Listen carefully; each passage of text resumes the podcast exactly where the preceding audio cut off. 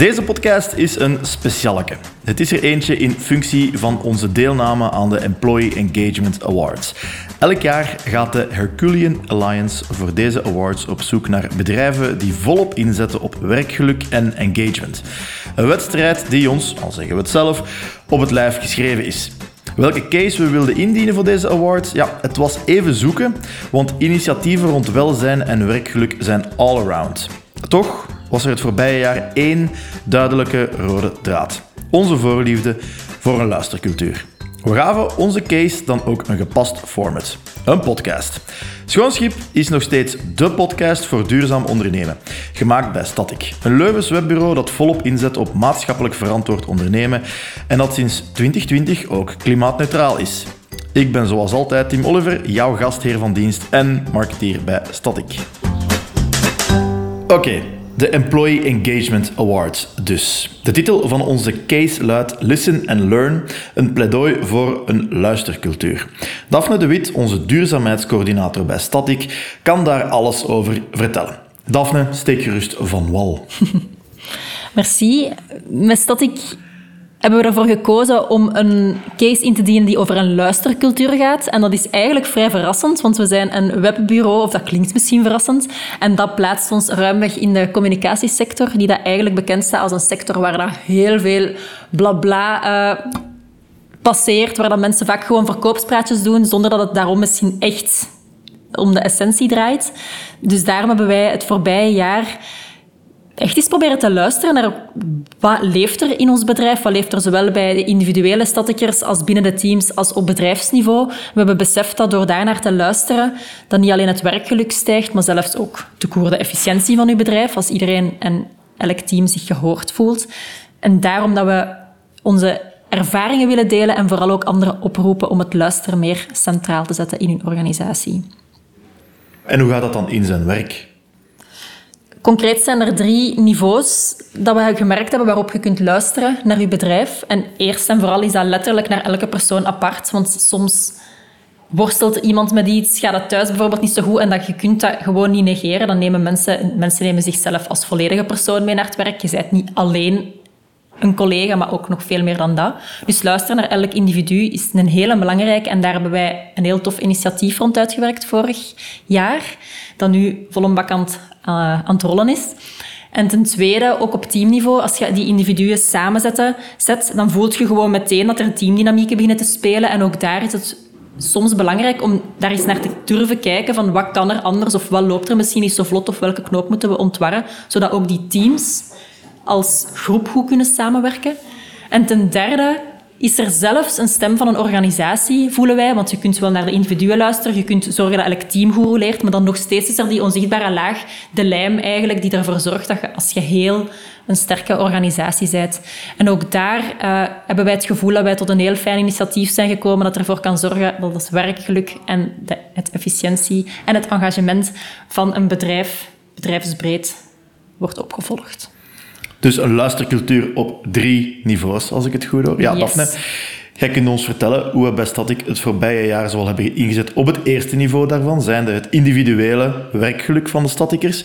Hoe hebben we ervoor gezorgd uh, dat we wisten hoe het nu echt met de collega's ging, waardoor ook hun engagement voor Static hoog bleef? Ja, um, het is niet leuk om altijd over corona te beginnen, maar ja, kijk, het is nu zo. Vorig jaar um, hebben we net zoals zoveel bedrijven, alle bedrijven, vol een bak van thuis uit zitten werken. En aan een tijd begonnen we gewoon te, te voelen dat die spontane babbels of die koffiezetmomenten, uh, dat je daar samen zit te praten, dat die begonnen weg te vallen en dat we dat echt wel misten. Doordat je digitaal aan het bellen bent, is er ook een soort van drempelvrees, want je gaat niet zomaar inbellen om te zeggen dat er misschien nu iets tegensteekt. Dat is gewoon veel minder spontaan dan dat dat gebeurt uh, op de werkvloer. Dus we voelden daar wel dat er nood was aan een soort van structurele oplossing. En dan zijn we Static Style samen beginnen na te denken, want het is niet zo dat er dan één iemand of een HR-persoon daar dan op, op een eiland moet over nadenken, maar hoe dat we dat graag aanpakken is dat we daar als groep over nadenken. Dan is er heel even het idee eerst geopperd uh, van oké, ja, hebben wij eigenlijk niet bijna een bedrijfspsycholoog nodig of een mentor, iemand waar dat iedereen bij terecht zou kunnen. Um, maar niet alleen vonden we die term zo raar van we gaan toch niet gewoon een mentor aanstellen, maar dat voelde ook als een heel ja, eigenlijk een heel, dat is een heel centrale manier om naar iets te kijken. Eén aanspreekpunt en iedereen moet daarbij terecht. Terwijl we eigenlijk een heel decentrale organisatie zijn. We werken ook heel zelfsturend. Iedereen heeft ook spontaan misschien mensen bij wie ze graag gaan aankloppen. Dus daarom dat we besloten hebben om het op een volledig andere manier te doen. En zo zijn we tot het initiatief van de luisterende oren gekomen. Dat is meer dan één luisterend oor. Ja, inderdaad. Merci, Theo, dat klopt.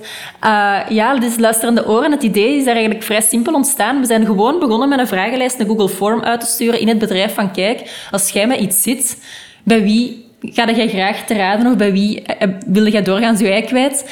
En uh, iedereen heeft dat ingevuld en je kon ook meerdere mensen aanduiden, want vaak is dat gewoon niet één persoon. En daaruit hebben we gemerkt dat op de 40 statikkers dat er ruimweg 10 statikkers waren die daar echt uit naar boven kwamen van dat zijn eigenlijk van nature hele goede luisteraars. Daarmee hebben we dan samen een sessie opgezet. En, vanaf dan waren zij de luisterende oren. En eerst hebben we de, luisterende oren onderling zelf um, tot een soort van structuur gekomen. Oké, hoe gaan we dat aanpakken, die, die talks? Hoe gaan wij zorgen dat iemand tot bij ons komt? We hebben dan beslist, oké, die luisterende oren gaan elk apart aan de persoon die heeft, en heeft aangeduid vragen van, heb jij graag dat ik u zelf af en toe zeg, kom, kom, we gaan nog een keer uh, een wandeling doen of we gaan nog eens praten. Of geeft je liever zelf aan als het niet goed gaat, dan is dat ook oké.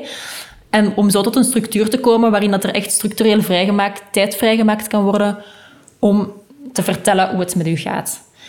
Een hele belangrijke uh, side note daarbij is, en dat is eigenlijk al een beetje dat bedrijfsniveau, maar dat komt straks in een ander stukje terug, is dat er vanuit Static structureel beslist geweest is om daar ook echt tijdens de uren tijd voor vrij te maken. Dus wij loggen als wij op issues werken of als wij op voor klanten werken. En er is dus ook letterlijk een log aangemaakt, um, een code aangemaakt voor die bubbles. Er wordt helemaal niet bijgehouden welk individu precies hoe lang met wie gesproken heeft, maar wel op het einde van het jaar gaan we kunnen kijken, oké, zoveel uren of zoveel tijd was er nodig voor een, een goede mentale gezondheid te hebben in onze organisatie. En dat lijkt ons wel een hele belangrijke om dat te blijven doen. En we hopen ook dat dat misschien anderen kan inspireren om dat ook te doen. Ja, het is duidelijk dat er echt wordt ingezet om die luisterende oren, om dat zo laagdrempelig mogelijk te mhm. maken. Uh, ik herinner mij uit mijn eigen ervaring, ik heb, ik heb, ik heb mogen kiezen, uh, ik wil dan uh, een afspraak met mijn luisterend oor, of ik zal zelf wel aangeven wanneer dat mag. Ik heb gekozen voor het tweede, maar ik kan me inbeelden dat dat sterk kan verschillen van individu tot individu. Ik dacht, dacht dat er ook een optie was van, ik heb dat helemaal niet nodig. Mhm. Dus het is heel ongedwongen nog steeds. Dus, dus ja, je geeft de andere statikers nog steeds de keuze om, om, ja, om hun eigen keuze volledig te, te maken. Um, heel cool initiatief zelf. Ik heb nog, nog uh, niet aangegeven aan mijn luisterend oor dat ik er een babbel uh, nodig heb. En als de podcast zo vlot blijft verlopen als uw uitleg, ga ik dat ook niet direct nodig oei, oei. Um, maar we gaan eens even luisteren naar een paar reacties van enkele statikers uh, die wel al eens met hun luisterend oor hebben kunnen babbelen. Waarom is het volgens mij belangrijk dat het bedrijf inzet op mentale gezondheid? Ik denk, um, we, we, hebben Static um, het systeem van de luisterende oren opgezet. Um, waarbij dat iedereen een soort buddy geassigned heeft om op geregelde of zelfs regelmatige tijdstippen um, een babbeltje mee te gaan doen. Um, en ik ben zelf luisterend oor voor meerdere collega's. en ik merk toch ja, dat, dat, dat dat een moment is waarop dat we zaken kunnen bespreken die waarschijnlijk gewoon aan het koffiemachine net niet besproken zullen worden. En meestal is het eigenlijk gewoon genoeg dat die collega daar gewoon eens een keer gezegd kan hebben. En dat we daar verder niks meer mee moeten doen. Maar soms kan het natuurlijk ook gewoon echt wel een moment zijn, of kan het een soort barometer zijn, um, waarop dat je kunt uh, aflezen van ja, oké, met deze collega gaat het even wat minder goed, daar moeten we wat meer aandacht aan besteden. En ik ben er echt van overtuigd dat um, dat, dat een manier is om, om dingen snel te identificeren en, en hopelijk ook um, ja, niet verder te laten escaleren tot echte problemen. Persoonlijk ben ik niet iemand dat vaak over zaken gaat praten of zo, maar ik vond het gewoon leuk dat er echt een moment werd vrijgemaakt met mijn luisterend oor om echt even te babbelen over iets anders dan gewoon uw werk en uw taken en zo. We hebben echt over heel veel gesproken. Echt van waar wilt je naartoe en van je kunt nog groeien bij ons. En dat vond ik heel ja, verfrissend om zo te zeggen. Um, ben niet echt iemand dat gaat zeggen van ik wil om de maand of zo met mijn luisterend oor samen zitten, want ik heb daar echt nood aan, want ik heb daar persoonlijk niet zoveel nood aan, of toch nu nog niet.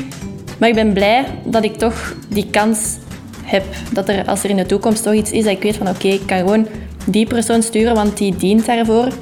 Dus als, ja, ik weet niet, een soort van uh, crashpad of zo, dat je weet dat je toch moogt vallen of zo, um, zonder dat je pijn gaat doen, om het zo te zeggen. Wel, ik ben eigenlijk langs twee kanten betrokken bij het Luisterende Oor-initiatief. Ehm, ik ben zelf luisterend oor voor een aantal collega's. En ik moet zeggen dat ik uh, al een aantal heel fijne gesprekken heb gehad. En het feit dat het ook laagdrempelig is en niet verplicht is en ieder het op zijn tempo, frequentie um, en manier kan aanpakken zoals het best aanvoelt, um, vind ik wel dat uh, werkt en weten collega's wel te appreciëren. Zelf heb ik met mijn luisterend oor ook al wel een aantal heel fijne babbels gehad. Ik denk altijd dat er niet onmiddellijk iets is om over te praten, maar als er dan toch die ruimte is, dan merk je wel dat er toch altijd wel een aantal uh, topics naar boven komen. Um, ja, die goed zijn om daar eventjes uh, ja, over van gedachten te wisselen of gewoon eens even uh, ja, je hart te luchten om dat gewoon eens even uit je systeem te halen.